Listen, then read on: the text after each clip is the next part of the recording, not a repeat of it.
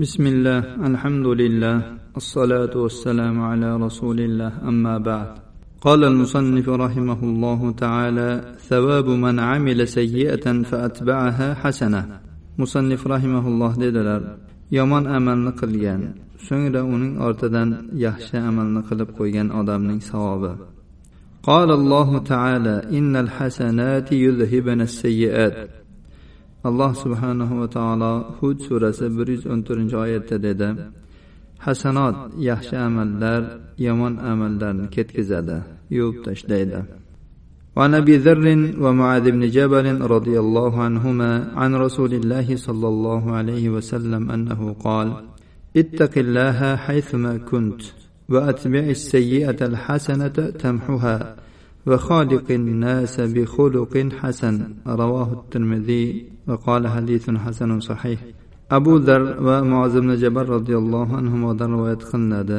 rasululloh sollallohu alayhi vasallam dedilar qayerda bo'lsang ham alloh taolodan taqvo qilgin yomonlik ortidan yaxshilik qil uni o'chirib yuboradi odamlarga go'zal xulq bilan muomala qil Termiziy ushbu hadisni bir ming to'qqiz yuz sakson yettinchi raqam ostida rivoyat qilganlar va hadisga hasan deb hukm qilingan. عن ابي ذر رضي الله عنه قال قلت يا رسول الله اوصني قال اذا عملت سيئه فاتبعها حسنه تمحها قال قلت يا رسول الله امن الحسنات لا اله الا الله قال هي افضل الحسنات رواه احمد abu zar roziyallohu anhudan rivoyat qilinadi dedi. Men dedim ey rasululloh menga vasiyat qiling. U zot dedilar agar sen yomon ish qilib qo'ysang gunoh ish qilsang uning ortidan yaxshi ishni qilgin savobli ish qil. U uni o'chirib yuboradi.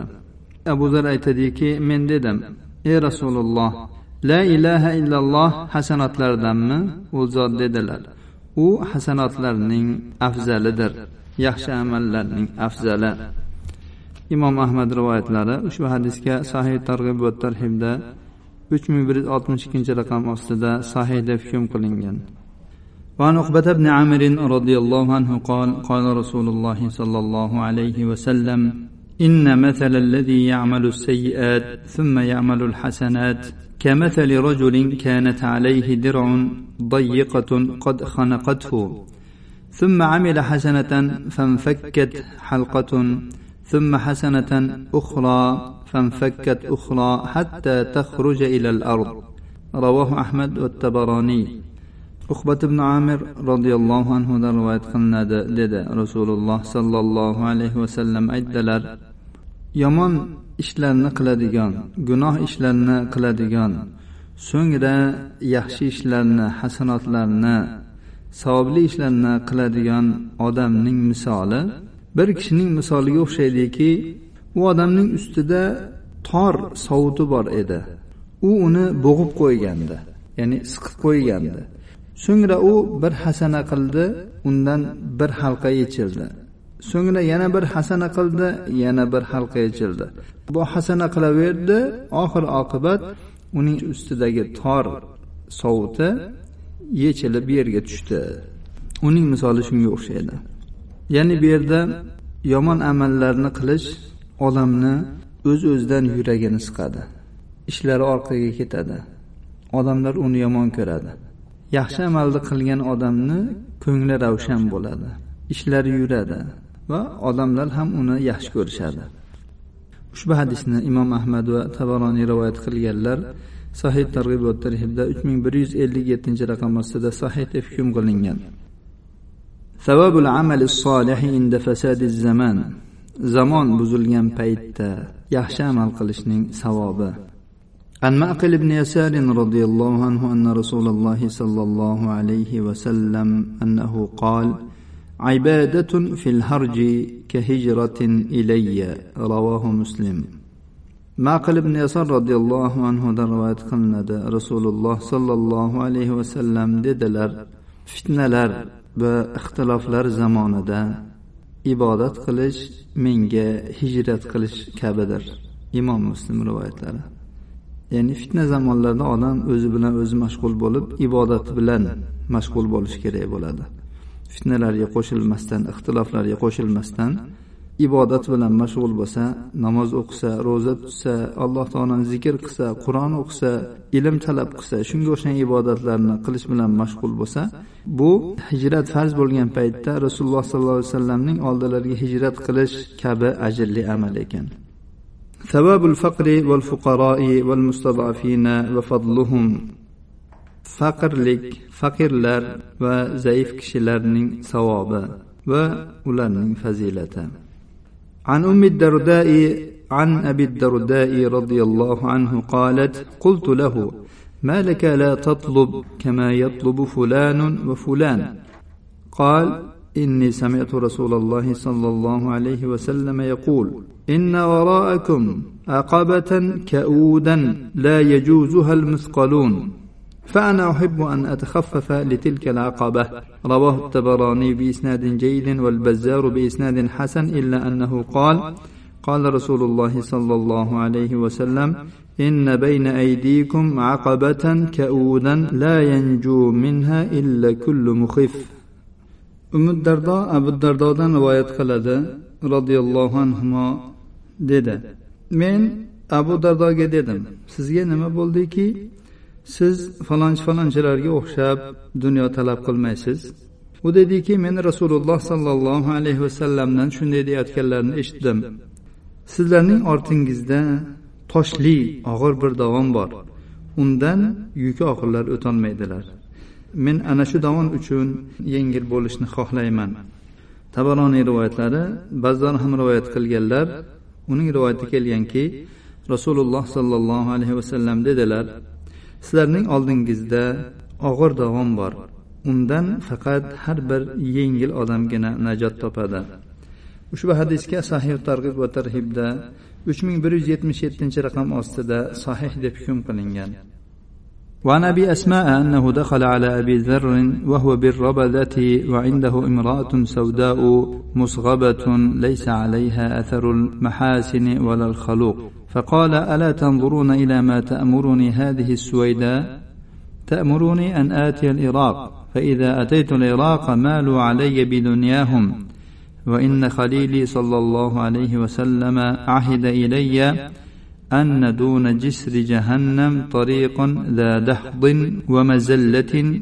وإنا أن نأتي عليه. وفي أحمالنا اقتدار واضطمار. أحرى أن ننجو من أن نأتي عليه ونحن مواقير رواه أحمد abu osmondan rivoyat qilinadi u abu zarning oldiga kirdi abu zar rabadada edilar uning oldida ochligidan juda ham nozik uning ko'rinishidan bir ziynat va atir upalarning asari ham bo'lmagan bir qora ayol bor edi abu zar aytdilarki sizlar mana bu qorachaga qaramaysizlarmi? U meni iroqqa borishimga buyurmoqda. Agar men iroqqa borsam ular menga dunyolari bilan moyil bo'lishar ekan ya'ni yuzlanishar ekan. Mening halilim ya'ni do'stim sollallohu alayhi vasallam menga aytganlarki jahannam ko'prigidan oldin sirpanchiq toyiltiradigan bir yo'l bor. bizning u yerga yuklarimizni ko'tarolmaydigan darajada og'ir qilib borishimizdan ko'ra yuklarimizni kuchimiz yetadigan yengil qilib borishimiz najot topishimizga loyiqroqdir imom ahmad rivoyatlari ushbu hadisga sahih targ'ib va tarhibda uch ming bir yuz yetmish sakkizinchi raqam ostida sahih deyilgan وعن قتادة رضي الله عنه قال قال رسول الله صلى الله عليه وسلم إذا أحب الله عز وجل عبدا حماه الدنيا كما يظل أحدكم يحمي سقيمه الماء رواه الترمذي وابن حبان والحاكم qatoda roziyallohu anhu rivoyat qilinadi dedi rasululloh sollallohu alayhi vasallam aytdilar alloh azza va jalla bandalardan birini yaxshi ko'rsa uni dunyodan asraydi xuddi sizlardan biringiz kasal kishisini suvdan asragani kabi. Imom termiziy ibn hibbon hokim rivoyatlari imom termiziy ushbu hadisni ikki ming o'ttiz oltinchi raqam ostida rivoyat qilganlar sahih targ'ibda uch ming bir yuz sakson birinchi raqam ostida sahih deb hukm qilingan. وعن أبي سلام الأسود أنه قال لعمر بن عبد العزيز سمعت ثوبان رضي الله عنه يقول قال رسول الله صلى الله عليه وسلم حوضي ما بين عدن إلى عمان البلقاء ماؤه أشد بياضا من اللبن وأحلى من العسل وأوانيه عدد النجوم من شرب منه شربة لم يظمأ بعدها أبدا وأول الناس ورودا عليه فقراء المهاجرين الشعث رؤوسا الدنس ثيابا الذين لا ينكحون المتنعمات ولا يفتح لهم السدد. قال عمر لكني قد نكحت المنعمات. فاطمة بنت عبد الملك وفتحت لي السدد. لا جرم أني لا أغسل رأسي حتى يشعث ولا ثوب الذي يلي جسدي حتى يتسخ. رواه الترمذي وابن ماجه والحاكم. Abu sallomin al asvaddan rivoyat qilinadi. U umar ibn abdul azizga dedi men savban roziyallohu anhudan shunday deyayotganini eshitdim. Rasululloh sollallohu alayhi vasallam dedilar mening havlim adan bilan balqoning ammoni o'rtasidagi masofachalikdir. Uning suvi sutdan ko'ra oqroq asaldan ko'ra shirinroq. Uning idishlari yulduzlarning adadicha. Kim undan bir marotaba qonib ichsa undan keyin hech qachon chanqamaydi. Havzimga odamlarning eng birinchi keladigani muhojirlarning faqirlaridir. Sochlari to'zg'igan kiyimlari kir bo'lgan noz ne'matda o'sib ulg'aygan ayollarni nikohiga olmaydigan va ular oldida eshiklar ochilmaydigan kishilardir. Umar ibn abdul aziz dedi lekin men noz ne'matda o'sib ulg'aygan ayolga uylandim. Fotima bint abdul malik mening oldimda eshiklar ochildi. Endi men to sochlarim to'zg'imaguncha boshimni yuvmayman va ichki kiyimimni to kir bo'lmaguncha yuvmayman. Termiziy ibn moja hokim rivoyatlari ushbu hadisni imom termiziy ikki ming to'rt yuz qirq to'rtinchi raqam ostida rivoyat qilganlar va sahih deb hukm qilingan. Hadisda vorid bo'lgan adan yamandagi ma'ruf shahar ammon esa bugungi kunda urdunning poytaxti. Havzning kengligi shu ikki shahar oralig'idagi masofachalikdir. Umar ibn abdul aziz jannatga eng birinchi kiradigan odamlarning sifatlarini eshitgan paytda o'zining bu darajada ne'matlarga boy ekanligidan afsuslanib aytdiki endi men bundan buyog'iga boshimni to kir bo'lguncha yuvmayman.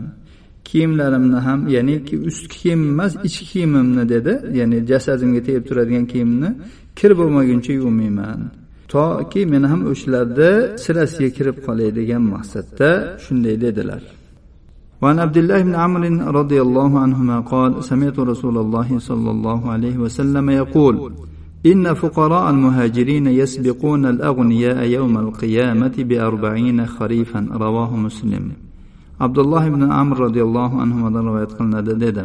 Men rasululloh sollallohu alayhi vasallamdan shunday deyayotganlarini eshitdim. Muhojirlarning faqirlari boylardan qirq yilga o'zib ketadilar ya'ni jannatga kirishga. Imom muslim rivoyatlari وعن أبي هريرة رضي الله عنه قال قال رسول الله صلى الله عليه وسلم يدخل فقراء المسلمين الجنة قبل الأغنياء بنصف يوم وهو خمسمائة عام. رواه ابن حبان والترمذي وقال حديث حسن صحيح. abu hurayra roziyallohu anhudan rivoyat qilinadi dedi rasululloh sollallohu alayhi vasallam aytdilar musulmonlarning faqirlari jannatga boylaridan ko'ra yarim kun ilgari kiradilar. Yarim kun besh yuz yilga tengdir.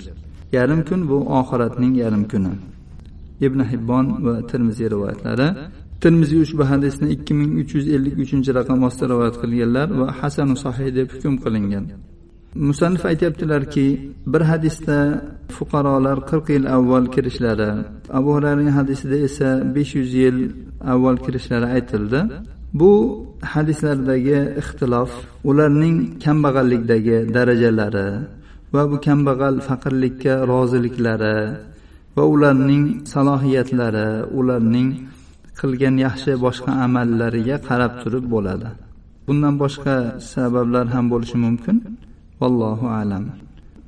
Alloh subhanahu va taolodan barchalarimizni zamonlar buzilgan paytda solih amallar qilishga qachon gunoh qilib qo'yadigan bo'lsak darhol uning ortidan yaxshi amallar qilishga muvaffaq qilishini so'raymiz. Hada va sallallohu ala nabiyina muhammad va ala alihi va sahbihi vasallam